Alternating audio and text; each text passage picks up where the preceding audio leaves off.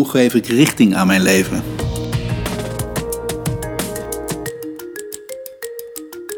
Je hebt één leven, voor zover we weten. Eén leven om er wat van te maken. En er het liefst alles uit te halen wat er uit te halen valt. Maar wat is dat dan precies? Wat wil je eruit halen? Wat is je plan? Waar gaat jouw leven over? Wat is de leidraad die jij vastpakt? De rode draad door de dingen die jouw leven typisch jouw leven maken. Laten we aan het begin van dit seizoen beginnen bij het allerbegin.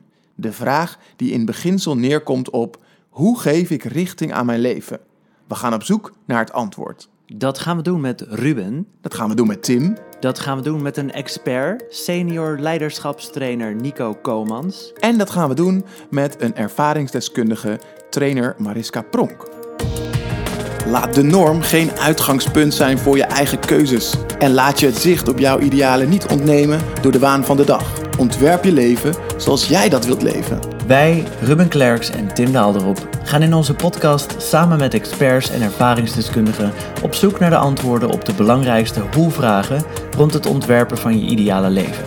Hoe geef ik richting aan mijn leven?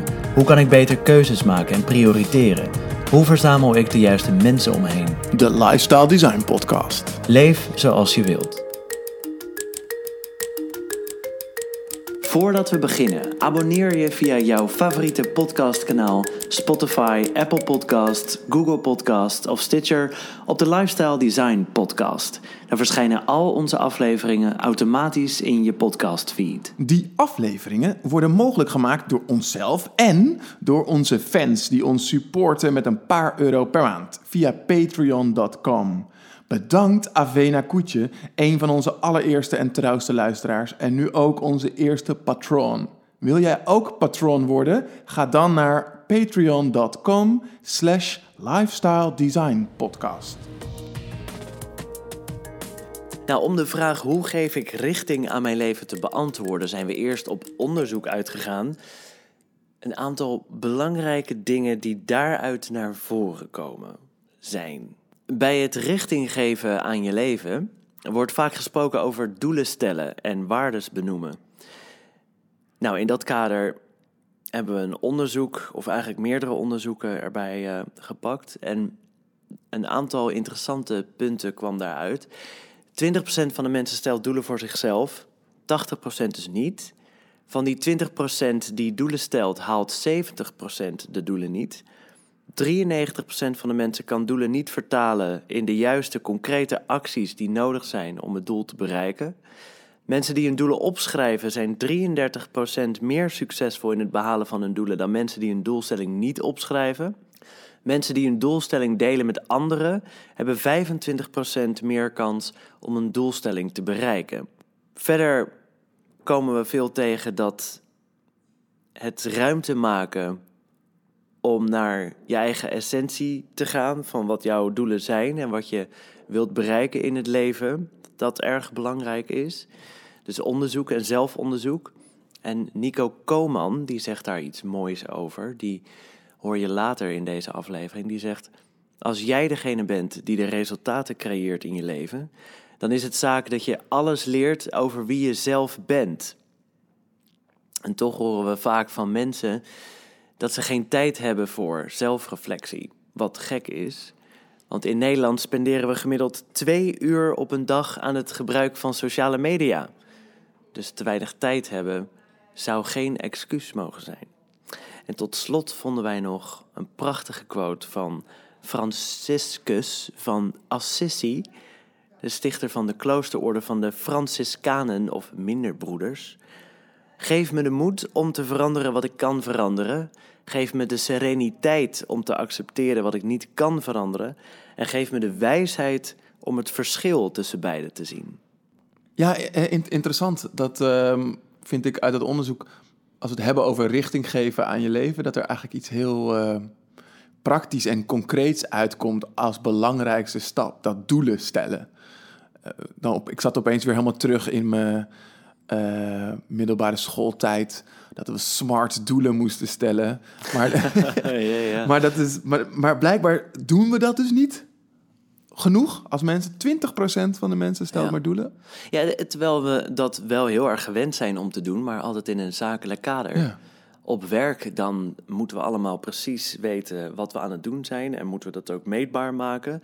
En eh, maken we ineen, ineens een pop, een persoonlijk ontwikkelingsplan. Mensen worden er helemaal ziek van. Maar als het dan om iets veel belangrijkers gaat, om ons eigen leven, dan ineens Ja. merken, eh, zie, zie je om je heen dat minder mensen daar op die manier zo bewust mee bezig zijn, denk ik. En misschien omdat er door dat werkdoelen stellen juist zo'n negatieve lading aan is gekomen. Dus als jij de associatie hebt met inderdaad jouw pop, waarop je wordt beoordeeld op hoe je dingen hebt gedaan, dan kan ik me voorstellen dat het helemaal niet een fijne manier is om dat ook voor je eigen levensdoelen te gaan doen, want dan word je ook straks beoordeeld. Dat is natuurlijk ook sowieso een nadeel van, van doelen stellen, dat je ook inzicht krijgt in wanneer je ze niet haalt. Ja, ja, ja, precies. Ja, die pijn die is eh, niet fijn, maar die zorgt er wel voor dat je dat inzicht krijgt, inderdaad. Ja, en, en dus er kwam dus ook uit naar voren dat het dus ook goed werkt om eh, je doelen op te schrijven en ze te delen met anderen. Doe jij dat? Ehm, ik ehm, kan in het algemeen zeggen dat ik eigenlijk bijna alles wat er in me omgaat wel met minstens één persoon in mijn omgeving deel. Vaak mijn partner, maar ook zeker vaak goede vrienden. Ehm, hele concrete doelen. Ja, nee, ik denk, ja, het, is geen bulletlist van eh, meetbare doelen. Maar ik heb het wel vaak over waar ik naartoe wil, omdat ik daar graag over nadenk. En daar heb ik wel vaak gesprekken over van, eh, goh, wat wil je? Wat wil je? Eh, Ja. eh, waar ben je mee bezig en waar ga je naartoe? Dus dan gaat het ook weer meer over de richting waar we natuurlijk eigenlijk op, Ja, naar op zoek maar zijn. ik schreef ze niet op. Nee. Zou ik ook nog wel kunnen doen. Ja, jij? Ja, ik merk nu ik zelf de vraag stel, dat er voor mij dus inderdaad wel een verschil in zit in ehm, het doel en de concrete acties die daaruit volgen. Dus dat, Ja. er, dat, dat wordt aangegeven dat 93% van de mensen moeite heeft om hun doelen te vertalen naar concrete acties. Dat herken ik wel in de, als het gaat over het delen met anderen en het opschrijven. Dus ik schrijf en deel wel mijn doelen, maar die zijn soms misschien nog vaag. Ergens ook omdat ik dan dus de ruimte voor mezelf misschien onbewust inbouw dat het nog anders kan gaan. Maar het echt zeg maar concreet, bijvoorbeeld als ik een doel heb eh, eh, om eh, een bepaald resultaat te halen met mijn bedrijf. Dan zou ik het dus heel concreet kunnen maken door te zeggen: Oké, moet ik zoveel van dit soort producten verkopen? Of ik moet zoveel mensen bellen. Nou, A, doe ik dat al bijna nooit. En als ik dat doe, dan is dat niet iets wat ik snel deel met iemand anders. Maar dat eerste doel wel. Ja, dus eigenlijk hou je het dan ook het liefst toch een beetje vaag, zodat Ja. je niet kan worden afgerekend op dat wat je van plan bent te gaan doen. Ik denk, ik denk het wel, ja. ja. Ja. Maar, ik, maar ik vind het bijvoorbeeld wel heel fijn dat ik, dat ik de energie van een doel kan, kan delen en ook kan peilen. Door, want dat principe zet ik heel veel in. Precies wat jij ook zegt. Nou, eigenlijk alles wat in me omgaat, deel ik. En als ik een, een idee heb wat ik wil testen, dan gooi ik het ook op social media. En dan is meer op, op grote lijnen zie ik dan hoe mensen daarop reageren. Eh, en dat kan me heel erg stimuleren om er dan dus ook mee Ook door te het gaat om je leven, dus niet om zakelijke doelen, bedoel je? Ja, ja, ja. Ja, ja. Juist, ja. ja. De, en dat deel hoe doe je dat dan op delen op social media? Bijv- bijvoorbeeld door een bepaalde stelling te delen of een vraag. Ehm, en dus, Noem eens een voorbeeld. nou, laatst had ik bijvoorbeeld... ehm, ehm, mijn eh, jongste zoon viel heel hard tegen de schouw... terwijl ik eh, thuis eh, met hem was. En zeg maar, hij viel zo hard dat ik zeg maar, toen ik hem op schoot nam... terwijl hij keihard huilde... dat ik zeg maar die bult, die blauwe plek op zijn hoofd zag ontstaan. Nou, mijn vaderhart kromp in één. Ah, Ehm, en ik merkte daarna dat ik in de paar uurtjes daarna dat ik eigenlijk ehm, hele tijd, of hele tijd, dat ik een paar keer dingen tegen hem zei van doe maar even voorzichtig of pas op. Terwijl, en dat, dat was een soort van besef wat ik daarna had en dat deelde ik dus eh, online op LinkedIn. Ja, toen realiseerde ik me, het eigenlijk best wel bijzonder dat ik in mijn werk bezig ben eh, om mensen te stimuleren, om meer lef te tonen, om risico te nemen, eh, om ook fouten te durven maken. Maar dat als het gaat over de opvoeding van mijn kinderen, dat ik ze dan aan het beschermen ben om die fout maar niet te maken. En die gedachte, nou, die deel ik dan. eh, en die, ja, die onder, onderzoek ik dan. Maar dat komt voort uit mijn doel Ja. dat ik mijn kinderen op een zo goed mogelijke Ja. manier wil opvoeden. Oh, dat is wel tof. Want ik denk, ja, de kracht van het delen, zodra je het en hebt uitgesproken en met anderen hebt gedeeld, dan moet je je er wel aan houden. Ja, of niet. Ehm, dus Ja, omdat je omgeving daar op een bepaalde manier op reageert. ja, ja, dus je- het kan ook ja, zijn dat ik ja, ja, daardoor tot een ander inzicht kom. Hey, ik, dacht dat het heel erg zo was, maar Ja, het was, het was, vond ik leuk. Op die post reageerde ook iemand juist met heel veel eh, begrip van... Ja, maar het is eigenlijk super normaal dat je dat als ouder doet. En dacht ik, oh ja, dus dan eigenlijk paste ik mijn eh, visie daarop ook, ook aan. ja. Nou, hebben we verder eh, de vraag ook als onderdeel van dit onderzoek uitgezet in ons eigen sociale netwerk. Eh, eh, en ehm, dus we hebben die mensen concreet gevraagd. Reageer op de stelling. Ik heb duidelijk en bewust richting aan mijn leven gegeven. Ja, dus het zijn dus hebben we gevraagd naar allemaal volgers van de Lifestyle Design podcast. Dus dat zijn mensen zoals jij, die ook hun leven willen veranderen naar hun eh, eh, mooiste wijze. Ja, dus misschien geen representatieve eh, groep voor Nederland, maar wel voor jou als luisteraar, of voor de groep luisteraars. Ehm, Eh, wat was het gemiddelde cijfer wat mensen zichzelf gaven? een 8, Ach. een 8,0.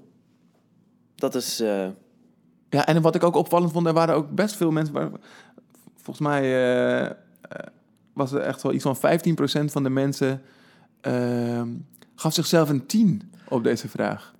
We gaan straks eh, spreken met Nico Koman. Je quote hem al even. Maar voordat we dat gaan doen, ehm wilden we ook nog een toffe boekentip met je delen. Een tip om je eh, om ook zelf eh, meer te weten te komen over richting geven aan, aan je leven. Ehm, en eh, een tip van een boek wat ik ontzettend, ontzettend leuk vond om te lezen... is een boek van Nienke Wijnands. Het heet Het Dertigersdilemma. En het gaat over, ja, over hoe wij dertigers ehm, eigenlijk omgaan met... ja, eigenlijk hoe, hoe wij zijn opgevoed en nu, nu in het leven staan en ehm, opgevoed zijn in de wetenschap dat we alles kunnen maken en dat we, dat we alles kunnen doen, alles kunnen kiezen wat we willen. Eh, maar dat dat dus ook eh, nadelen met zich meebrengt, omdat we vervolgens ook verantwoordelijk zijn voor onze eigen falen. Dus ik vind het heel leuk als het gaat over richting geven aan je leven, dus dat ook de schaduwzijde daarvan eh, daar ook aan, mee aan bod komt. hmm, Het interesting. dertigersdilemma van Nienke Wijnands. Nico Komans is senior trainer, oprichter en eigenaar van People Unlimited. Hij heeft ruim 27 jaar ervaring met leiderschap en persoonlijke ontwikkeling. Nico neemt je in zijn programma's mee op een weg die begint met jezelf te doorgronden. Hij luistert naar je op alle lagen. Je wereld van gedachten, emoties, gevoelens, bewustzijn, betekenis, overtuiging, acties en resultaten. Zo helpt hij je de persoonlijke kloof tussen de gewenste situatie en de resultaten te overbruggen.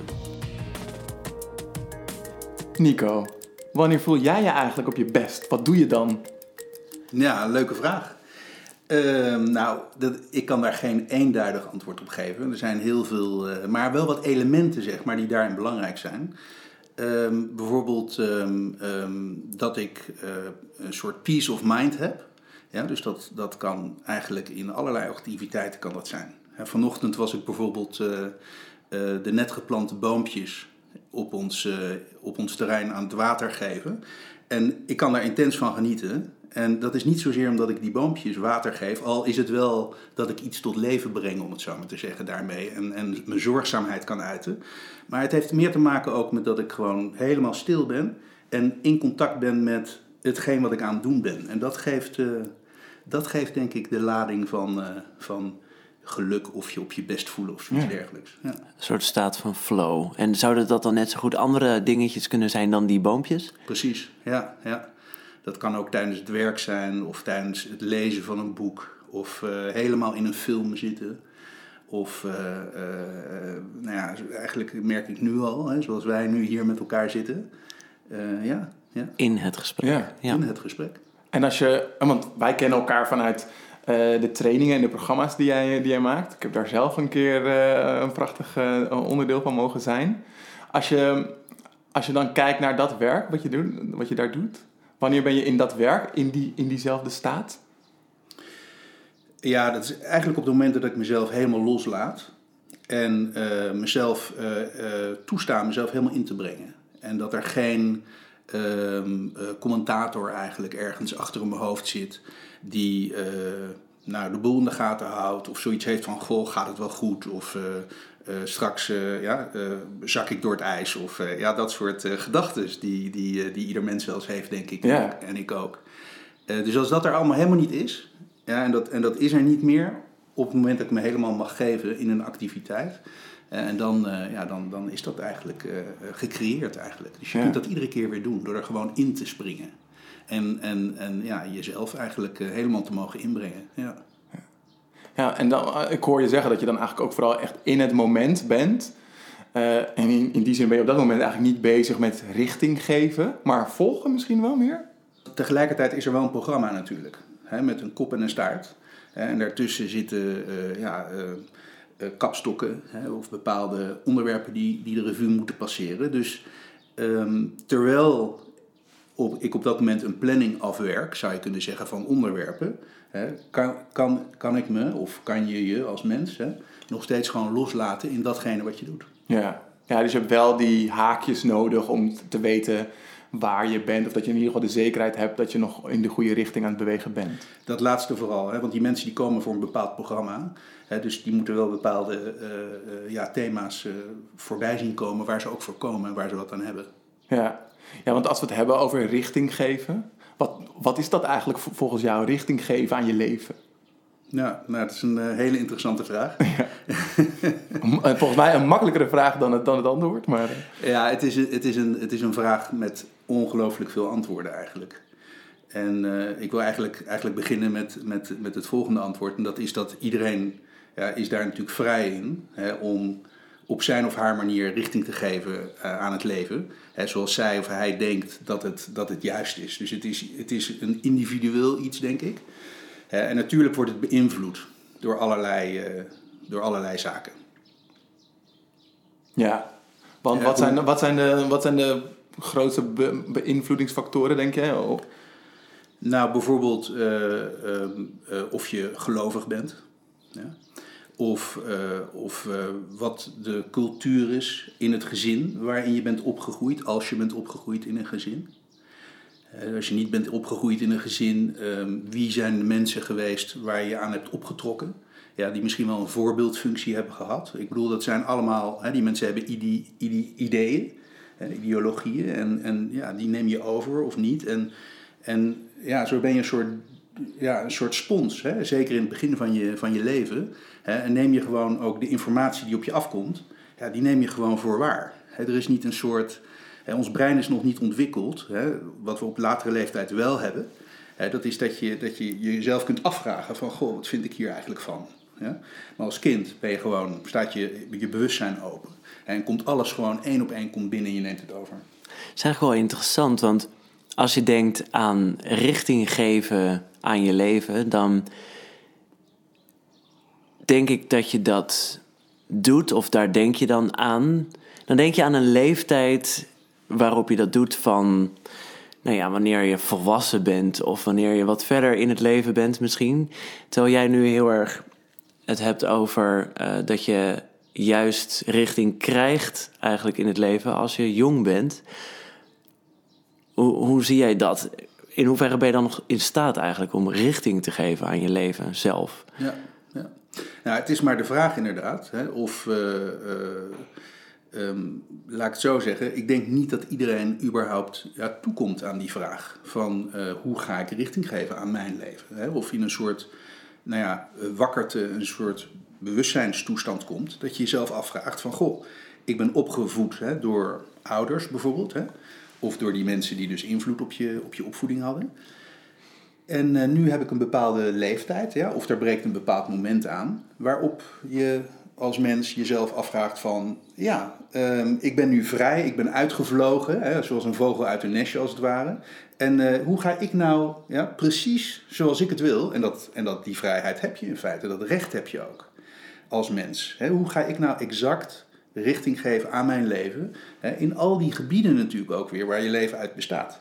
Want je hebt je professionele leven, je hebt je privéleven, je hebt misschien eh, het, eh, het, eh, de relatie met je partner als je kinderen hebt met je kinderen. Maar je hebt ook een relatie met je ouders als die er zijn. Of jij en je hobby's, en jij en gezondheid. En ja, en jij en dat je je wilt ontwikkelen bijvoorbeeld. Het zijn allerlei gebieden waarin je eigenlijk je leven op kunt delen. En daar kom je niet altijd aan toe, zeg je net. Waar hangt dat dan vooral vanaf, denk jij? Poeh, vind ik een hele moeilijke, eh, mooie vraag, moeilijk te beantwoorden. Want ik kan dat voor andere mensen niet invullen, waar dat van afhangt. Hè, dat, dat, dat gebeurt op een gegeven moment in iemand zijn leven. Hè, dat, dat, dat hij of zij zich die vraag gaat stellen van ja, hoe ga ik richting geven aan mijn leven? Of het gebeurt niet, zoals ik net al zei. Het is niet voor iedereen weggelegd. Zie je daar, je gaat spelen met die vraag. zie je daar verbanden met leeftijd? Ehm, niet per se, niet per se. Eh, als ik kijk naar mijn eigen leven, dan eh, ehm, ehm, denk ik dat ik relatief vroeg met die vraag ben begonnen. Maar ook dat weet ik eigenlijk niet, want ik heb dat niet gecheckt. Hoe oud was je In- In mijn toen? omgeving.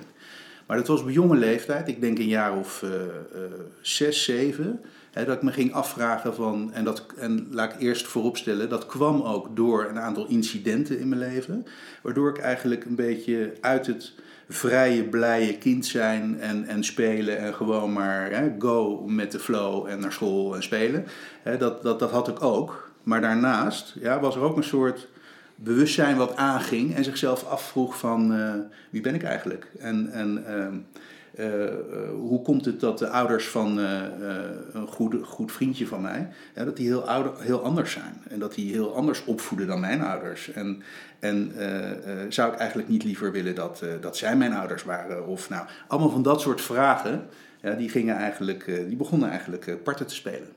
Ja. Want ik, ik heb ook wel eens het idee dat, dat we ook in een tijd leven waar het bijna een luxe is dat we hierover nadenken. Over dat we ons leven kunnen vormgeven. Geloof je überhaupt in de maakbaarheid van het leven? Ja, het is wel heel mooi wat je net zegt. Eh, Als ik daar eerst even op in mag haken. Hè, want voor sommige mensen die komen dus niet toe aan deze vragen. Nee. Omdat het bewustzijn niet open genoeg is. Maar het kan ook zijn dat ze niet toekomen aan deze vraag. Doordat ze bijvoorbeeld bezig zijn met hoe kan ik overleven. Ja. Hè, dus hoe, omdat ze in een, in een bizarre hè, eh, omstandigheid zitten. Hè, waar, waar ze eh, ja, eigenlijk zich alleen afvragen. Ja, hoe zorg ik ervoor dat ik, dat ik morgen nog leef eigenlijk. Hè? En eh, dat klinkt misschien wat extreem, maar kijk om je heen en naar het nieuws en naar de wereld. Zoals wij hier in Nederland wonen, is, is, ja, is heel bijzonder. Is echt uniek hè, dat we hier geboren zijn ja, en dat we hier leven en opgroeien. En als je hier niet geboren bent en hier naartoe hebt kunnen komen, is heel bijzonder. Is niet vanzelfsprekend. Ja, jij, jij, jij zegt net er kwam een punt op je leven waarin jij zelf richting aan je leven ging geven, omdat ehm, de richting waar je in zat niet de richting was waar je op wilde, denk ik dan. Ehm, Want er- ik, ik ben een beetje op zoek naar. Om dat bewustzijn open genoeg te maken, zoals je het net zelf noemde, moet er iets gebeuren of moeten er omstandigheden zijn waarin je moet, kan of wil breken met de richting waarin je opgaat? Dat is een optie. Dat is een optie. Bij andere mensen eh, ehm, ehm, is het een partner, ja, een vriendje of een vriendinnetje die opeens met die vraag komt. En eigenlijk daarmee een soort opening maakt. En op die vraag terugkomt en nog een keer terugkomt, waardoor het eigenlijk een thema wordt waar je het met elkaar over gaat hebben. Dat zou, dat zou ook. Hè, maar het kan ook zijn dat je een leraar hebt, hè, een geschiedenisleraar of eh, ja, een andere leraar, die eigenlijk met die vraag komt op een gegeven moment in de klas. In ieder geval, hè, er, er, komt, er, er, komt, er, er ontstaat iets waardoor je op een gegeven moment gaat nadenken, hè, of niet dus, hè, Ja. eh, over die vraag van hoe geef ik richting aan mijn leven? Of hoe wil ik mijn leven, eh, hoe wil ik het richting geven? Ja, en een vraag die daar wat mij betreft aan kleeft, eh, is, is de vraag: wat geeft betekenis in mijn leven? Ja, ik ben ervan overtuigd dat om echt om gelukkig en, eh, succes, en je succesvol te voelen, ja, moet je als het ware als mens moet je ervaren dat je daadwerkelijk iets bijdraagt in de omgeving. Uh, hoeft helemaal niet groot te zijn, een grote omgeving, maar in je eigen actieradius. Dat je daadwerkelijk iets van betekenis inbrengt. En iedere keer als je als mens jezelf als het ware erop betrapt, ja, of anders gezegd verbinding maakt met het besef, ik voeg iets toe, ik draag iets bij, dat geeft je geluk. Het geeft je het gevoel van ik ben goed bezig, ik ben oké. Wanneer kwam voor jou dat moment? Uh, nou, dat, dat kwam dus, uh, ja, ik wil niet zeggen precies op mijn zesde of zo, maar in ieder geval wel in die tijd, hè, dat ik ook naar school ging en zo, en dat ik ook om me heen keek en dacht van, wat doe ik hier eigenlijk? Ja, waarom spelen we niet gewoon? Waarom dansen we niet? Waarom gaan we niet op ons tafel staan? Waarom hebben we het niet gewoon aan zin en doen gek en zo? Ja, dat waren en, gedachten die op je zesde had. Ja, absoluut, absoluut. dat ik in dat schoolsysteem zat en dat ik mezelf afvroeg van wat raar. Ja, dat ik leer en dat het heel belangrijk is wanneer Karel de Grote is geboren en ook overleden is. En als ik dat niet kan herinneren een paar dagen later bij een schriftelijk onderzoek of een mondeling onderzoek, dan, uh, dan uh, ik een slecht cijfer. Ja, terwijl ik het uh, anytime kan opzoeken als ik het zou willen weten. dus, dus ik stelde mezelf over de manier van lesgeven allerlei vragen. En ook vroeg ik mezelf af van waarom leren we eigenlijk niet hoe je als mens gelukkig kunt zijn? Of bijvoorbeeld hoe je richting kunt geven aan je leven. Wat raar dat dit geen vak is. Dat ben ik helemaal met je eens, inderdaad. Wat ik ook bedoelde is, op welk moment kwam voor jou het moment waarop gebeurde wat jij net omschreef, als uh, dat je merkt dat, dat, dat je oké bent, dat dat wat je doet zin heeft uh, en dat je daar dus je betekenis uithaalt? Ja, ja eigenlijk ontstond dat, uh, ik, ik denk zo een beetje op mijn 38ste, 37ste, 38ste. Ja, daarvoor ja, heb ik allerlei dingen gedaan en, en dat was leuk en leerzaam en gereisd en in binnen- en buitenland gewerkt en allerlei ja, verschillende banen gedaan en uh, in loondienst en maar ook voor mezelf als ondernemer en daarin van alles eigenlijk ervaren zou je kunnen zeggen. En wat ik net al zei, in het buitenland ook, dus ook in andere culturen. Dus mensen die daar andere ideeën over het leven hebben en zo. Het was in Zuidoost-Azië, dus dat is echt een hele andere cultuur. Heel leerzaam. En uh, nou ja, na al die activiteiten zou je kunnen zeggen, uh, tot mijn 38ste, toen, toen begon eigenlijk uh, ja, de puzzel op zijn plek te vallen, waar ook dit werk wat ik nu doe uh, uit ontstaan is. Ik deed dat al veel langer, maar niet in de vorm zoals ik het sinds mijn 38ste doe. En wat maakte dan dat je die beslissing maakte? Van hier wil ik ook echt mijn werk of mijn bedrijf van maken? Ik zag dat het, uh, dat het echt uh, betekenis uh, bracht in mijn leven, maar ook in het leven van andere mensen. Want in feite is het werk wat ik doe, heeft alles te maken met deze vraag. En daarom zijn jullie, daarom hebben we natuurlijk ook dit gesprek. hoe geef ik richting aan mijn leven is een hele belangrijke vraag.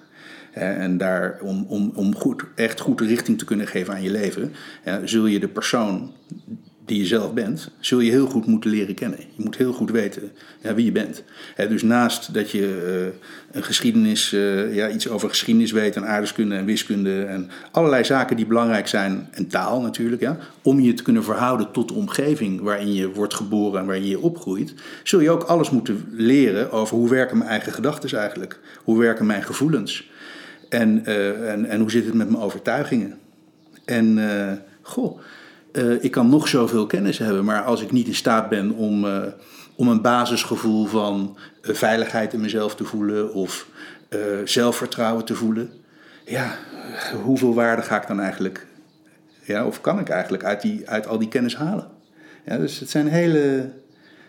Ja, zo zitten wij vol met allerlei gereedschappen en attributen, waar ik er net een paar van noemde. Hè, onze gedachten, gevoelens, overtuigingen. Ja ook visualiseren bijvoorbeeld is een, uh, is een uh, belangrijk uh, attribuut ja, wat we hebben om vorm te kunnen geven aan ons leven. En je bedoelt dat je, dat je jezelf kan visualiseren hoe het eruit moet zien of waar je naartoe wil? Ja, waar je heen gaat. Ja, ja. ja. Vaak doen we dat heel goed hè, als we bijvoorbeeld met vakantie willen. Of het is, het is woensdagavond en, en, we zeggen tegen elkaar: laten we, laten we zaterdag ja, ergens uitgaan. Ja? Nou, dan, dan, dan krijg je allerlei plaatjes in je hoofd van hoe dat er dan zaterdag uit gaat zien. Ja? En als het goed is, krijg je daar bij die plaatjes krijg je een goed gevoel. Dus, dus dat betekent dat je gevoel dus in lijn is met, met het plaatje wat je ziet. En dat trekt je als het ware, dat, ja, dat is een soort magneet, zeg maar. Dat trekt je ook eh, naar die plek toe. Dus dat betekent dat je in actie komt. Op basis van het plaatje en de gevoelens die je hebt, kom je in actie om vervolgens op zaterdagavond op die plek te zijn ja, waar je heel graag wilt zijn. Dus op korte termijn doen we dat wel, op lange termijn te weinig. Ik weet niet. Ik, ik, ik wil dat niet. Uh, ik kan het niet invullen voor iedereen. Hè, maar het is in ieder geval uh, ons vermogen hè, om ons dingen voor te stellen en in te beelden. Dat is eigenlijk is dat, is dat een heel belangrijk vermogen hè, om, om vorm te kunnen geven aan je leven, precies zoals jij het wilt. En er zijn weinig mensen die zich dat beseffen of, of daar iets over leren, ook omdat het op school geen onderwerp is. Ja, ik, ben, ik, ik zou wel eens willen kijken naar of we kunnen ontleden uh, wat je nou kunt doen om richting te geven aan je leven. Dan kon je al zeggen um, hè, dus dat je die zingeving helder hebt. Visualiseren zou je, zou, zou, je, zou je kunnen doen. Wat als ik nu meer richting wil geven aan mijn leven? Waar zou ik moeten beginnen? Ja, goede vraag. Ja, ja. Ik denk dat je dat je, je moet afvragen... Um, um, in welk gebied van mijn leven wil ik dat? Ja? Omdat wat, wat je, bedoel je met gebied? Nou, bijvoorbeeld het gebied jij en je werk, of jij en je, de relatie met je partner. En dat zijn ja. twee totaal uh, andere gebieden. Uh, dus dat je eerst voor jezelf afvraagt van, uh, ja, welk gebied? Hè? Ja. En vervolgens ook, eh, hoe, hoe gaat het eigenlijk met mij? Hoe zit ik in mijn vel? Ja, want ik denk dat het, dat het om ja, optimaal vorm te kunnen geven aan je leven, moet je eerst zorgen dat die persoon die vorm gaat geven aan zijn leven, ja, dat die, dat die lekker in zijn wel zit. En dat die vertrouwen voelt in zichzelf. Ja, want als jij en ik geen vertrouwen voelen, ja, dan, dan komen we niet in actie. Ja, nou, we allerlei redenen om niet in actie te komen en dus niet te creëren ja, hoe we ons leven willen hebben in dat desbetreffende gebied. Maar stel nou dat je niet goed in je vel zit, uh, dan is dat toch juist een trigger om richting te gaan geven aan je leven? Dat zou een trigger kunnen zijn, misschien voor sommige mensen. Ja, ja. ja idealiter gezien ben je dat voor, maar... Uh, exact. Hoe kun je op jezelf vertrouwen als je richting aan je leven moet gaan geven op het moment dat je niet lekker in je vel zit? Ja, dan zul je dus in staat moeten zijn om dat gevoel van, van ik voel me niet lekker en ik heb het nodig om me lekker te voelen, hè, om initiatiefrijk te zijn en in beweging te komen. En je zult jezelf dus zo moeten kennen hè, dat, je, dat gevoel van je niet goed voelen, uh, dat, je dat, dat je dat kunt draaien hè, naar een, een uh, gevoel van uh, drive, creativiteit, openheid, nieuwsgierigheid naar waar je naartoe wilt gaan. En um, he, dus, je, dus je zult jezelf moeten afvragen van ja, hoe werken mijn gevoelens eigenlijk? En wat voor, wat voor invloed heb ik zelf op hoe ik mij voel? Ja? Of zoals veel mensen denken, dat, dat komt het door omstandigheden. Ja? dat ik me voel hoe ik me voel. Oké? Maar in mijn beleving is dat niet zo. Ja. Uh, uh, ik, begrijp het, ik begrijp de trigger wel. En het overkomt mij ook wel eens hè, dat, ik, uh, dat, er, dat er iets gebeurt en dat dat effect heeft op mijn gevoel.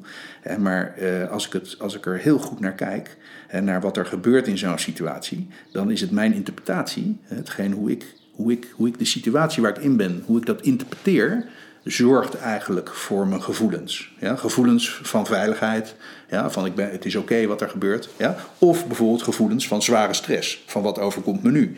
Ja? Of nou ja, een van de andere gevoelens die, ja. we, die we herkennen.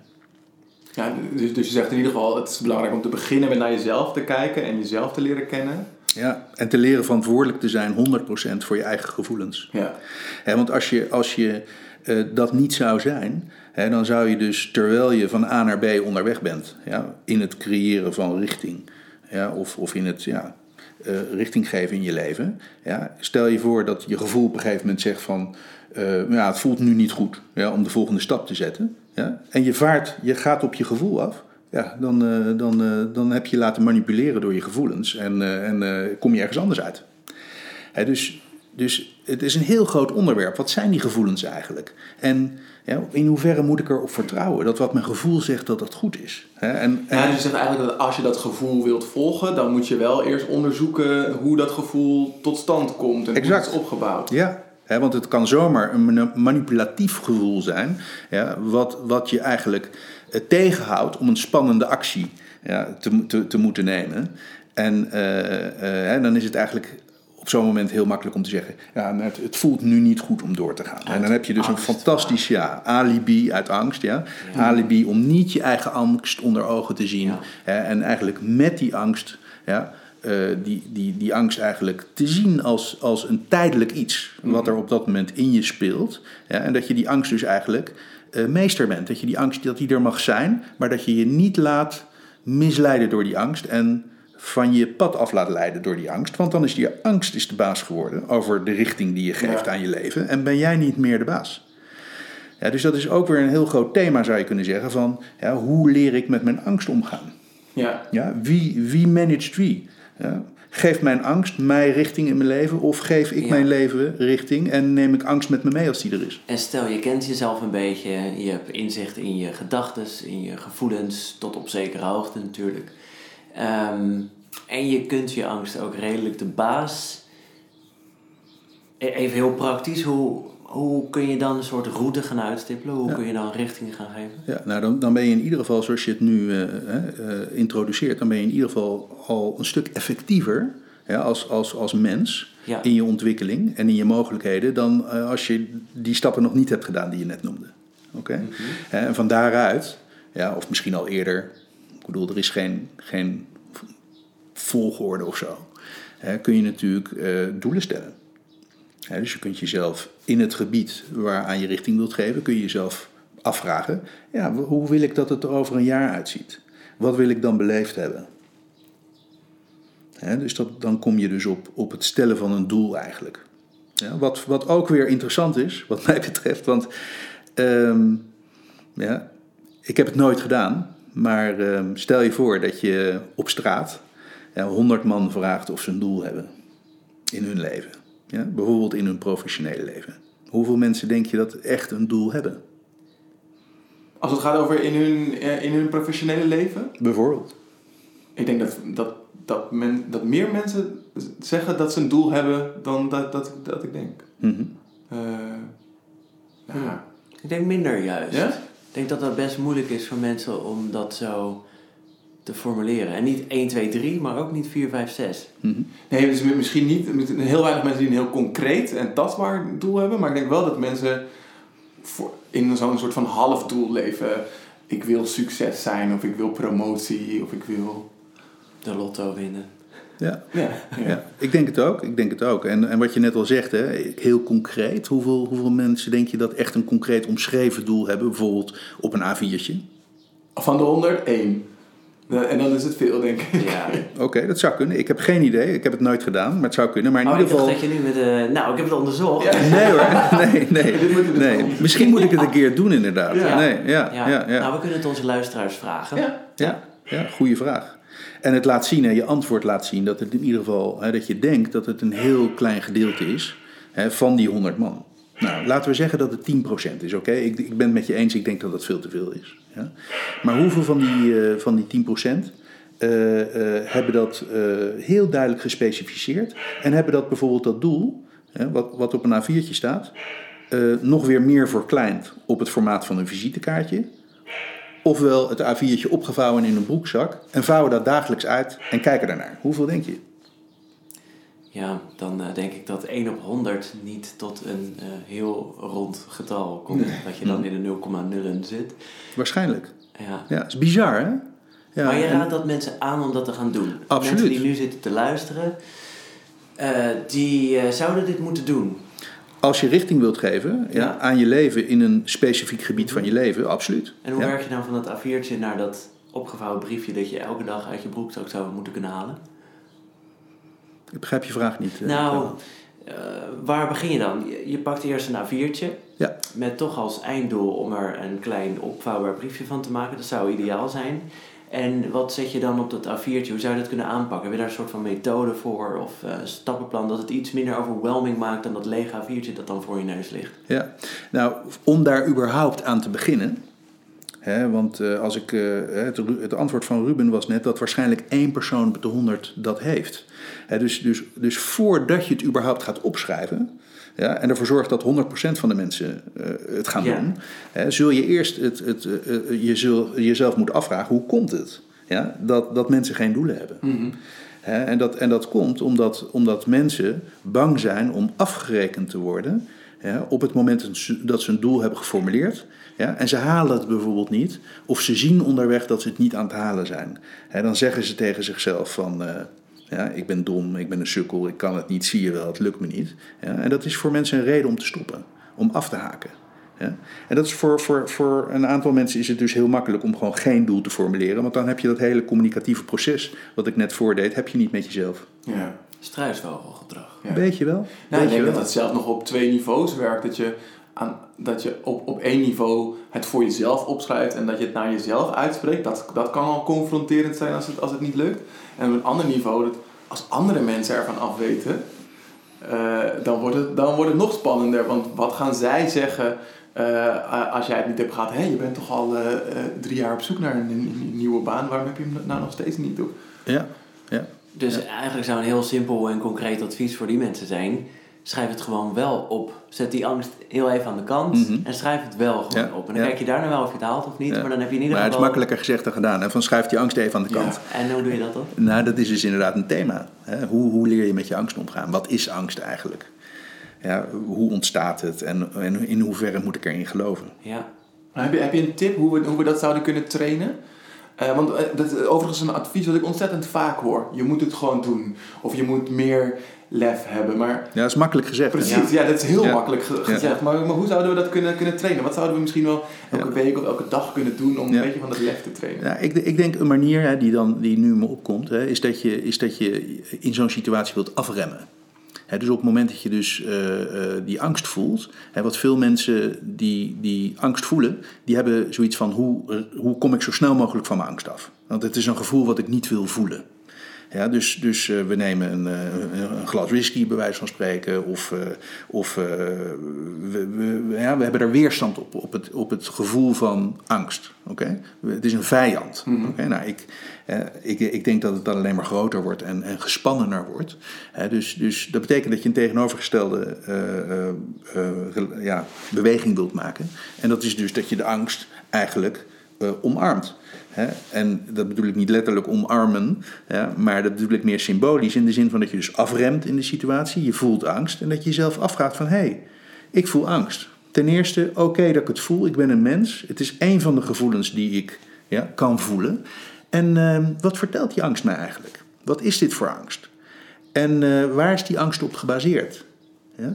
Hoe oud is degene die nu angst voelt? Met andere woorden, is het een angst die getriggerd wordt? Eh, eh, maar wel komt van, van een, een leeftijd van acht jaar oud bijvoorbeeld. Ja, toen je in eenzelfde soort situatie kwam. En, en de situatie waar je nu in zit, op je dertigste bijvoorbeeld, ja, eh, ja, wordt dat kleine kind getriggerd of zo? Dat kan. Ja? Dus is een angst van hoe oud was ik? Oké? En ehm, kijk, want als je je ogen open doet en je maakt contact met de fysieke werkelijkheid waar je op dat moment in bent, dan is er fysiek gezien is er niets waarschijnlijk om bang voor te zijn. Ja, er zijn geen mensen die, die, die met een mitrailleur in een schuttersputje eh, je overhoop gaan sch- schieten als je de eerstvolgende stap zet richting je doel. Dus daarmee bedoel ik fysiek gezien in de wereld die je kunt waarnemen, die je kunt zien om je heen, is werkelijk waarschijnlijk ja, in 99,999% van de gevallen is er werkelijk niets om bang voor te zijn. Er is niks wat je gaat stoppen. Ja? Dus dat betekent dat je angst blijkbaar getriggerd is ja, door iets anders. Want fysiek is het er niet. Het is niet te zien. Oké, Dus het moet wel ergens anders vandaan komen. En daarom ja, ehm, zou het kunnen zijn dat het een soort oude angst is die opkomt. Ja, om, omdat, het, omdat de situatie waar je op dit moment in bevindt lijkt op een voorgaande situatie. Ja, waarin je het heel moeilijk had en die je niet aankon omdat je immers acht was. En veel minder eh, eh, mogelijkheden had op je achtste dan dat je nu hebt.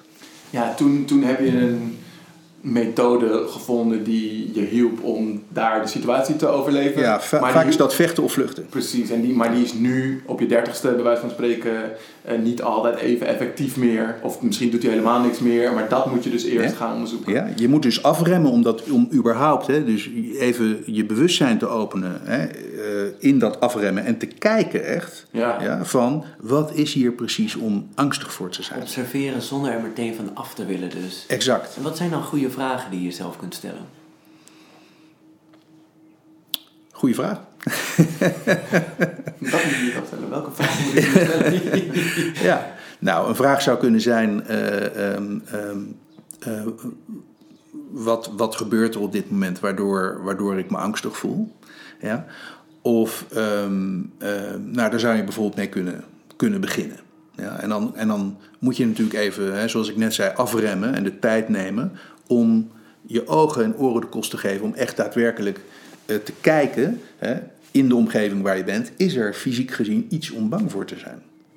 En als dat er niet is, dan is het, een, ja, dan is het op basis van je gedachten, die een soort eh, ja, een, een, creatief, een creatief iets ja, Ja. creëren, een, een doemscenario, hè, dat het mis zal gaan of dat je op je bek zult gaan of wat dan ook. Ja. Ja. terwijl dat feitelijk helemaal niet aan de orde is. Ja, dus het zou goed zijn om jezelf de vraag te stellen van... Oké, gaat het nu over feiten? Zijn het dingen die ik echt gewoon feitelijk kan waarnemen? Of Bijvoorbeeld.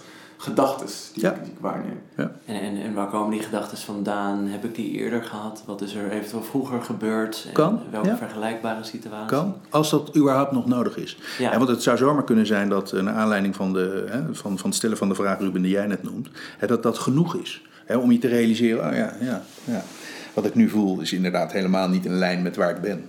En, en, en, en, ja. en ook niet met mijn volgende actie. Ja. Ik hoef nergens bang voor te zijn. Zou dat, zou dat ook nog te maken kunnen hebben met hè, wat, ik, wat ik veel zie als het gaat over richting geven aan, aan ons leven? Dat, dat heel veel mensen eigenlijk richting aan- het geven zijn voor iemand anders misschien wel, of voor, voor, voor iets wat buiten hen zelf staat. Dus zij niet echt dat aan het doen omdat zij dat willen, maar omdat er een stemmetje is of een, of een, een oude ge- gedachte misschien wel, die maakt dat ze die kant op bewegen of willen bewegen. Zeker, zeker. Ja, ja. Goeie vraag ook van, is dit, eh, ja, doe ik dit om, omdat ik het echt wil? Hè, of eh, omdat, eh, omdat, omdat ik mijn vader er een plezier mee doe bijvoorbeeld. Of, Ja. Dus ja, de vraag hoe geef ik richting aan mijn leven? Aan mijn leven. Ja, mijn leven hè, is, we moeten het woordje mijn hè, onderstrepen. Ja, en ik denk niet dat dit iets egoïstisch is om vorm te geven aan je leven. Nee. Sterker nog, ja, eh, ik denk dat je daarmee een, een, eh, een voorbeeldgedrag ja, eigenlijk laat zien waar mensen in je omgeving iets aan kunnen hebben. Ja, want die kunnen, die kunnen kijken naar jou van, hé, hey, hoe doe jij dat? En daarmee ja, etaleer je iets, iets, eh, iets constructiefs. Zeker als je ervan uitgaat dat richting hebben in je leven vaak ook voortkomt uit betekenis geven aan. Dus dat een ander plezier, een plezier doen, dat dat nodig is om jezelf richting te geven. Dus jezelf richting geven, anderen plezier doen is. Mhm. Dat kan ook. Dus dat je, het zou mooi zijn als je het kunt combineren. Dus is het per definitie niet egoïstisch. Dus wat jij net zei. Ja, klopt, ja. Ja, ja helemaal met je eens. Ja. En een ander ding wat, wat, wat denk ik heel belangrijk is bij het richting geven aan je leven, hè, is dat je, dat je ehm, ehm, eh, in staat bent om veiligheid te voelen in jezelf. Ja, op het moment dat je je onveilig voelt in een situatie, ja, of, of, of überhaupt in je leven waar je bent, ja, ja, dat, dat kilt je creatieve vermogen, hè, of je drive en je passie om vooruit te komen. Hè, dus je, je zult jezelf ook moeten afvragen van hoe creëer ik veiligheid in mijn eigen, in mijn eigen leven, ongeacht de omstandigheden. Ja? Hoe kan ik altijd een basisgevoel van veiligheid in mezelf voelen? Want dat heb ik nodig. Want anders gaat mijn creativiteit of mijn vermogen om contact te maken met mensen, ja, of mijn nieuwsgierigheid, ja, die, die worden getemperd. Ja. Als ik geen veiligheid voel in mezelf. Maar dat geldt ook voor mijn omgeving. Zie ik mijn omgeving als veilig en kansrijk? Want als ik mijn omgeving bijvoorbeeld vanwege het COVID-19 of zo, ja, niet als veilig en kansrijk zie, ja, kom je dan nog eh, tevoorschijn? Ja. Kom je dan je huis nog uit? Eh, kom je dan nog in beweging op je doelen? Of zeg je ja, nee, mijn omgeving is niet veilig. Dus dat hele mechanisme over hoe zorg ik voor veiligheid in mezelf en hoe zorg ik ervoor dat ik mijn omgeving als kansrijk en veilig zie, ja, is, is- zijn ook weer hele grote thema's die alles te maken hebben hè, met die vraag hoe geef ik richting aan mijn leven. Ja, het zijn voorwaardes. Voorwaarden, ja, absoluut. Ja, ik denk, vind het ook wel goed dat je dat zegt inderdaad. Want heel vaak als we het hebben over dit onderwerp met mensen uh, uh, die, die, die, nog, die nog niet naar onze podcast luisteren, dan, dan krijg ik de reactie terug van ja, maar uh, ik ben helemaal niet in, ik ben helemaal niet in, in staat om dat vorm te geven of waarom zou ik dat doen? het is veel te druk om daarmee aan de slag te gaan. Ja, dus, dus dat er eerst misschien wel een paar voorwaarden zijn voordat je überhaupt jezelf deze vraag kan stellen, dat vind ik wel mooi. Ja, ben ik helemaal met je eens. En, en daarom denk ik zelf, maar dat is mijn, uh, mijn, uh, ja, mijn mening, dat, dat zo'n thema als dit, hè, maar daarmee al die onderliggende thema's waarvan we er nu een aantal hebben aangetipt en nog lang niet alles, dat dat eigenlijk een onderwerp is op school, dat dat een vak is wat gedoseerd wordt. Want uh, je kunt nog zoveel vakinhoudelijke kennis hebben. Je kunt nog zoveel weten over wiskunde of een hele goede accountant zijn of, of ja, of goed zijn in de Engelse taal en, en daar les in gaan geven. Maar hoe zit het eigenlijk met de relatie die je met jezelf hebt 24 uur per dag? Ja? Ja. Hoe werkt die eigenlijk? Ja, er zijn weinig dingen waar ik het meer mee eens ben dan dat. Dan dat het eigenlijk heel logisch is om daar op hele jonge leeftijd, eh, begeleid door mensen die daar ver in zijn, mee aan de slag te gaan. Absoluut. Ja. Hey, en sommige mensen die fladderen gewoon lekker rond. Uh, misschien wel zonder duidelijk gekozen richting. Hebben zij dan misschien toch een richting zonder dat ze het doorhebben? Of hebben zij geen richting nodig? Hoe zie jij dat? Ja, nou, dat is interessant. Ik, ik, uh, ik begrijp hè, dat wij zitten nu in dit gesprek en je, en je vraagt aan mij hoe zie jij dat? Maar in feite zou je dat aan die mensen moeten vragen, hè, hoe zij dat zien. Ja. Want dan krijg je gewoon het, het antwoord van dat individu. En eigenlijk, hè, dat is natuurlijk ook een nadeel van wat wij nu doen. Het is hartstikke leuk en het is constructief wat wij doen. Maar we moeten oppassen dat we niet generaliseren. Dat we dus niet een antwoord geven wat voor iedereen zou gelden. Zeker omdat wij alle drie geen fladderaars zijn, denk ik. Nee. Wij hebben alle drie richting wel. Voor sommige mensen is het, is het fladderen hè, is, uh, is, is hun richting. Ja. Dus die, die, die, die gedijen daar goed op. En die hebben zoiets van, ja, weet je, uh, richting geven aan mijn leven. Ik laat me leiden. Ja, ik word geleid door iets anders. En uh, ja, die, die, die geven zich over aan wat er gebeurt. En, en, en, maar ook wat hun omgeving dus van ze vraagt of niet vraagt. En uh, ja, dat kan ook een vorm zijn van richting geven aan je leven. Ben je dan net zo goed in staat om gelukkig te worden als mensen die wel richting geven, zelfbewust en minder afhankelijk zijn van dingen en mensen om zich heen in die zin? Ja, ik denk dat iedereen uh, geluk en succes op zijn eigen manier voelt en ervaart. Ja. dus, dus eh, de enige, enige met wie je eigenlijk dat gesprek kunt hebben, van hoe, hoe creëer ik meer geluk en meer, meer uh, uh, succes, of ja, wat het dan ook is wat je wilt creëren, is een vraag die je eigenlijk ja, die aan jezelf kunt stellen, die je ook wel aan anderen kunt stellen. Van hé, hey, hoe zou jij nog meer geluk en succes kunnen creëren? maar het is een vraag, denk ik, die je, ja, die je meerdere keren per dag of per week aan jezelf wilt stellen. Ja dan uh, heb ik misschien nog een leuke vraag om af te sluiten. Hoe zou jij meer geluk en succes kunnen creëren? Um, nou, dat, dat is uh, interessant dat je dat, uh, dat, je dat vraagt. Um, eigenlijk wil ik zeggen, dankzij deze COVID-19 ja, situatie zou je kunnen zeggen. Um, ja, heb ik eigenlijk een soort verplicht, tussen aanhalingstekens, sabbatical. Heb ik mezelf gegund. En uh, ik zou nu veel meer qua werk kunnen doen dan wat ik op dit moment doe. En, en dat geeft me dus inderdaad de ruimte. En het is heerlijk om even in die ruimte te zakken. En, uh, en daar inderdaad te spelen met die vraag van hoe kan ik nog meer ja, geluk en succes ja, creëren in mijn leven. En uh, ik denk dat een van de manieren hoe ik dat ga doen, dat is door uh, ietsje minder te werken. Hoe leuk ik mijn werk ook vind.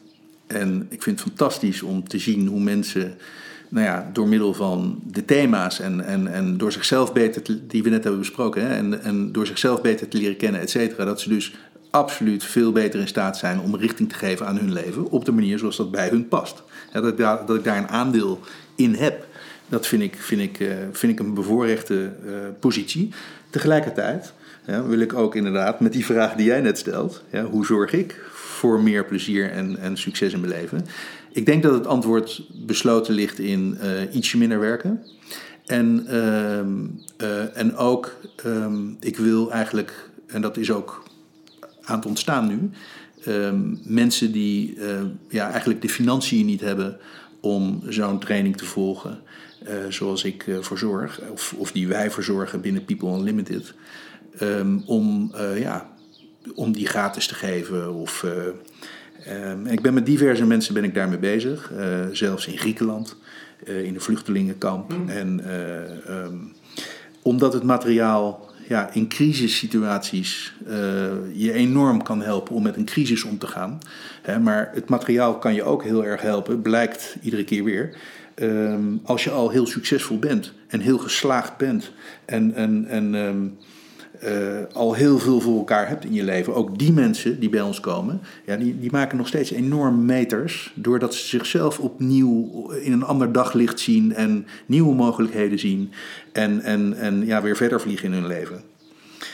Um, maar goed, het is een beetje een groter antwoord dan, dan, de vraag die jij stelde. Maar het is ook zo'n leuk onderwerp, hè? Het is een leuke vraag die je stelt. Dat vinden wij ook. Ja. ja.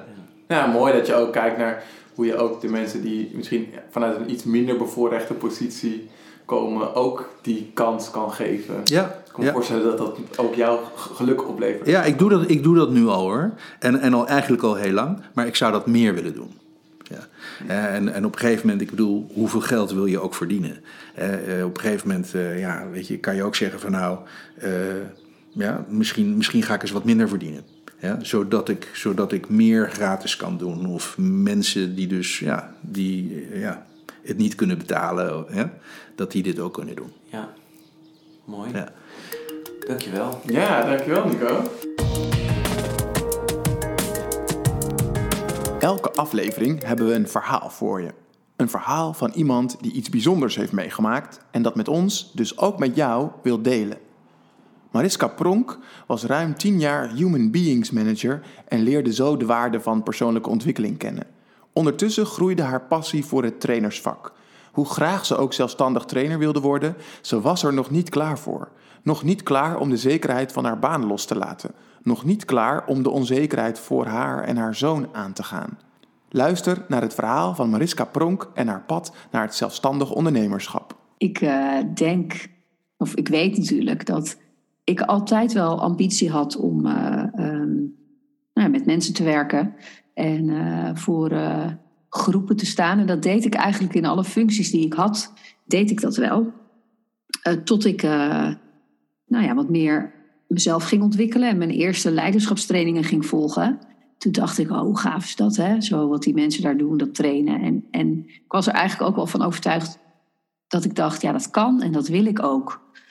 En toen kwam het proces waarin ik ongeveer twee jaar lang dacht: ja, maar als ik zo meteen op LinkedIn ga zetten dat ik trainer ben, wat denken dan al die mensen niet van mij? Komt zij aan met haar?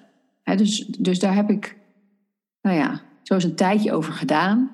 En uh, wat er natuurlijk in resulteerde, dat ik, ja, ik had geen klanten, ik had gewoon mijn baan, maar, en ik gaf trainingen, maar dat was allemaal in loondienst. Um, en toen dacht ik, ja, volgens mij uh, zijn er uh, mogelijkheden voor dat wat ik te brengen heb. Ik trainde al eens andere bedrijven die bij mijn hè, werkgever op visite kwamen. Dus ik, ik, ik kon daar wel mee oefenen. Um, en toen uh, dacht ik op een dag, nou weet je, ik ga gewoon zeggen dat ik het ben. En dan kijk ik wat er gebeurt. En ik zei op woensdag, ik ben trainer. En ik heb mijn eigen bedrijf.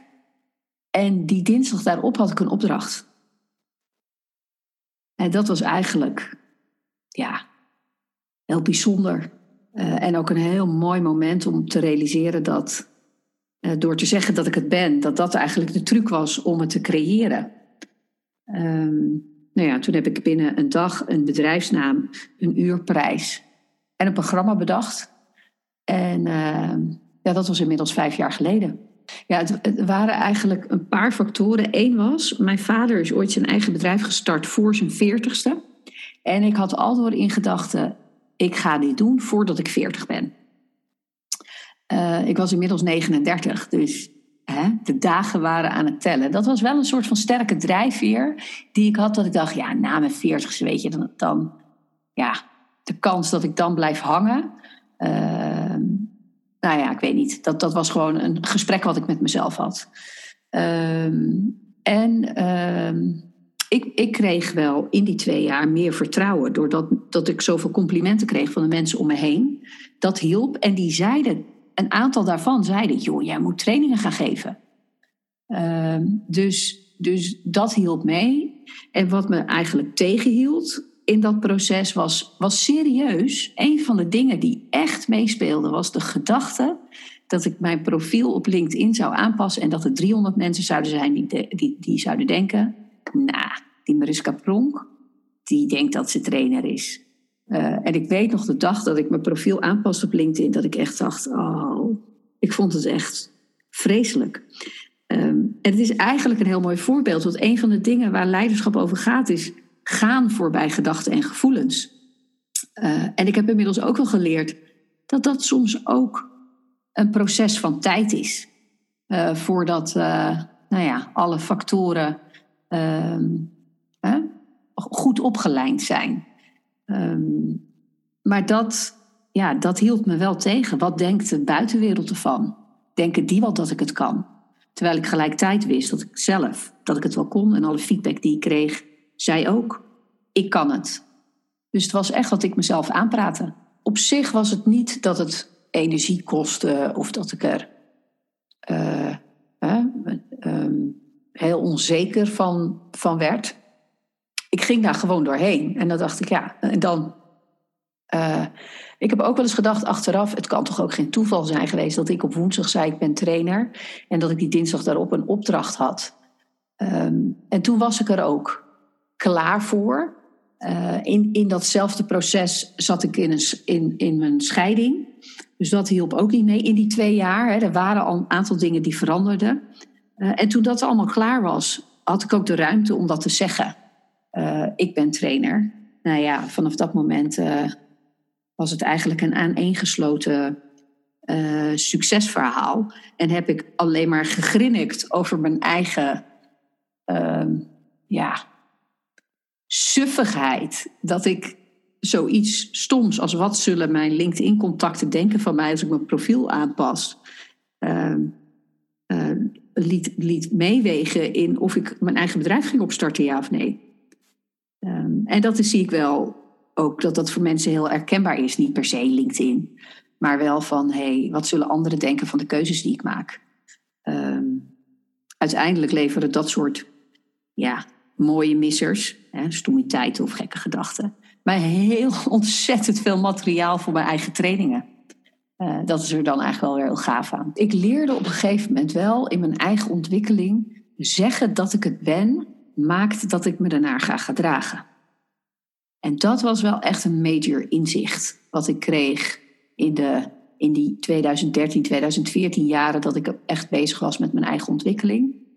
En um, ja, door, door dat te experimenteren, door dat gewoon als een experiment aan te gaan en gewoon heel baldadig, ja, bijna, nou, te liegen. Door, want ik had nog geen eigen bedrijf en ik had nog geen klanten.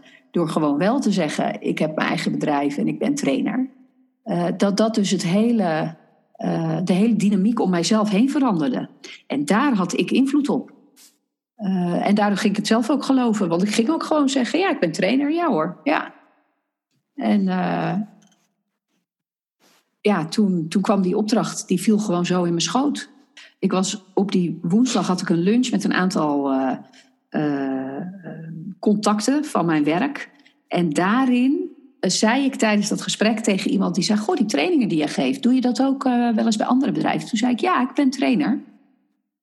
Um, en, en daar kwam eigenlijk die opdracht uit. En toen heb ik, nou, nadat ik die opdracht al binnen had gehaald, eigenlijk pas het bedrijf opgericht en mijn LinkedIn-profiel veranderd. Uh, nou, uiteindelijk heb ik met LinkedIn helemaal niet zoveel meer gedaan. Maar kwam het van het een wel het ander. En uh, ja, kwam ik toevallig of niet via de werkgever die ik op dat moment had, wel met allerlei bedrijven in contact die geïnteresseerd waren in het werk wat ik deed bij mijn werkgever. En die dat ook graag binnen hun eigen bedrijf vorm wilden geven. Ehm, dus dat, ja, dat is echt via via gegaan. En tot op de dag van vandaag heb ik dus ook geen website. Ehm, want die heb ik in al die tijd ook niet nodig gehad. En ehm, ja, is er een soort domino-effect ontstaan door maar hardop te blijven zeggen: dit is wat ik doe en dit is wat ik kan. En mensen vooral uit te nodigen om, daarvan, ja, om daar naar te komen kijken. Uh, zonder per se iets te verkopen. Uiteindelijk uh, kwam ik in een situatie uh, terecht, en die heb ik ook zelf ingezet, is dat ik een dusdanige opdracht binnenhaalde in mijn eigen bedrijf, die eigenlijk niet te combineren viel met het werk wat ik deed bij mijn werkgever. Ehm, ik, het is me gelukt een jaar lang om nou, 50, 60 uur in de week te werken. Als alleenstaande moeder kan ik je verklappen, was dat best een uitdaging. Uh, maar ik wilde ervaren en voor mezelf een bepaalde uh, nou ja, financiële zekerheid inbedden, toch? Dat als ik dan 100% voor mezelf zou gaan, dat ik wel ook uh, ja, de juiste uh, klanten al om me heen had verzameld. En ehm, toen ik aan het einde van dat jaar kwam uh, en ik een verlenging kreeg van die opdracht voor nog een jaar, toen dacht ik, ja, nog een jaar 50, 60 uur in de week werken. Dat wil ik niet. Dat, dat trek ik ook niet. En uh, wat eigenlijk een mooi inzicht was, en dat was echt wel het moment waarop de knop omging. Ik sprak altijd over mijn werkgever als mijn werkfamilie. Ik ben zo loyaal daar naartoe en ik heb het daar zo naar mijn zin. En het is een van de ankers in mijn bestaan. Het is, me, het is een familie voor me. Tot ik me ineens realiseerde dat ik eigenlijk veel liever tijd doorbracht met mijn eigen familie. Mijn echte familie. Mijn zoon, mijn ouders, uh, die in Brabant wonen en ik woon in Alkmaar. Dus hè, wat een ritje gewoon ja, vraagt een hele dag daar naartoe. Uh, is niet even zo een kopje koffie drinken. Uh, mijn zussen, de mensen om me heen, mijn vrienden. En toen, ik, toen dat, ja, hè, suf of niet. Maar toen dat ineens, echt, toen ik dat ineens voelde, toen dacht ik, nu is het moment daar, ik ga ontslag nemen. Toen heb ik huilend mijn ontslag ingediend bij de directeur. En die zei ook nog, je hoeft niet weg, hè. Maar ja, het was, ik wist dat het goed was. En ehm, ik ben er klaar voor, ik was er klaar voor. Dus ik heb die beslissing genomen. En nu uh, is het 100% pronk en training. Zonder mij geen training. En uh, ja, heb ik die stap gezet. En ben ik nu een uh, alleenstaande moeder met een eigen bedrijf. Ik vind het eigenlijk best vet cool van mezelf. Ik denk wat het, wat het meeste is dat voor mij werkt en waar ik altijd succesvol mee ben, is als ik dat wat ik bedenk, zonder filter ook deel met anderen. Hè, eh, misschien herken je dat wel eens. Uh, uh, ik heb dat dan. Dan heb ik een spontaan idee. Dan wil ik iemand een bericht sturen. Bijvoorbeeld een heel liefdevol of warm bericht. Of uh, ik wil dan iets zeggen tegen een klant. Um, en dan gebeurt het wel eens dat ik dan heel even denk van... Hey, is, dit wel, is dit wel zakelijk genoeg? Of is dit wel is dit wel het juiste? En ik heb er echt op leren vertrouwen in die jaren dat het enige juiste is wat ik op dat moment ook echt bedenk als het puur is. Als het komt vanuit liefde voor mensen, liefde voor mijn vak, voor mezelf. Uh, en dat dat altijd impact maakt bij de ander. En dat is wel een heel gaaf vertrouwen uh, wat ik heb. En uh, er hangt een klein briefje op mijn koelkast. Daar staat op Mariska. Dat heb ik gekregen van iemand. En het is een heel klein, een soort spiekbriefje. En daar staat op Mariska, vertrouw op je intuïtie en knuffel je zoon. Ja, dat briefje helpt me eigenlijk door bijna iedere levensveranderende beslissing heen. En um, ja, dat is wel wat ik heb geleerd. Dat daar onwijs veel kracht in zit. Hoe geef ik richting aan mijn leven? Hmm. Huh. Ja? Oké, okay, oké. Okay. laten we er even heel anders naar kijken. Is het niet veel beter om gewoon het leven te volgen en te accepteren wat er op je pad komt? Een beetje rondfladderen en go with the flow en zo. Oh, ik zou het heerlijk vinden als ik dat kon. Zou. Ja, Als. Als. Ja, en ik weet niet hoe het met jou zit. Ik weet wel hoe het met jou zit. Maar ik kan het niet. Ik ben absoluut ook geen fladderaar, nee. Nee, altijd, ik ben altijd bezig met naar een resultaat toewerken. En eh, inderdaad, die maakbaarheid van het leven waar ik in geloof. Dus ja, zou het niet beter zijn? Ik denk dat het wel heel veel ontspanning zou kunnen brengen als je daar niet mee bezig bent. Ja, maar dan dus ook wel weer afhankelijk van of je goed kunt fladderen of niet. Want als ik met de flow mee zou gaan, dan levert dat me juist meer stress op. Dus je moet een, een- je moet een beetje een fladderaar zijn, wil het ook lekker zijn. En goed voor je werken, denk ik, om te fladderen. Ja. En kun je in flow zijn als je nergens naartoe gaat? Ja, juist misschien wel, denk ik. Daar ben ik altijd zo jaloers op. Ja. Het zijn mensen die gewoon alles accepteren zoals het is en in het moment zijn. Ja. Ja, het voelt echt als ver van mijn bedshow. Ja, voor mij ook. Maar ik heb wel het idee dat als ik dan kijk naar mensen die dat wel goed kunnen, dat, ehm, dat het vaak ook hartstikke goed gaat. Dat het net zo, dat de situaties net zo vaak op hun pootjes terechtkomen als in mijn leven. Ja, ja, inderdaad. Ja, en ook dat ook echt niet de wereld vergaat als het niet zo gaat als jij had gehoopt of gewild. Ja, Dus als je, als je dat vaker realiseert en inziet, dan ja, je kan heel veel energie erin stoppen om het precies zo te laten gaan zoals jij Ja. het wilt. ja. Maar en misschien gaat het ook wel meer over, dat niet zozeer over de manier waarop je iets bereikt, eh, maar meer, en ik denk dat het wel goed is, dat het wel oké is dat je ergens naartoe wilt, dat je die stip op de horizon hebt, eh, maar dat, je veel, dat wij nog veel meer zouden kunnen ontspannen ehm, door niet ook de manier waarop je die stip op de horizon gaat bereiken wil bepalen. ja precies. Ja, ja, ja, ja, ja, ja. Dus dat als je hebben- wel ergens naartoe fladdert, maar wel fladdert. Ja, precies. Dus Niet als een raket erop afgaat op die stip op de horizon. Ja, dus als we het in deze aflevering hebben we het over hoe geef ik richting aan mijn leven. Eh, dus dat je wel de richting hebt. Hè, nu ga ik naar het noorden of naar het zuiden. Dat is wel 180 graden de andere kant op. Maar hoe, of misschien zelfs wel dan... Maar dan zou je ook moeten kunnen accepteren dat je misschien wel eventjes soms totaal 180 graden de andere kant op beweegt. En erop vertrouwen Ja. dat je uiteindelijk ook wel daar komt. Ja.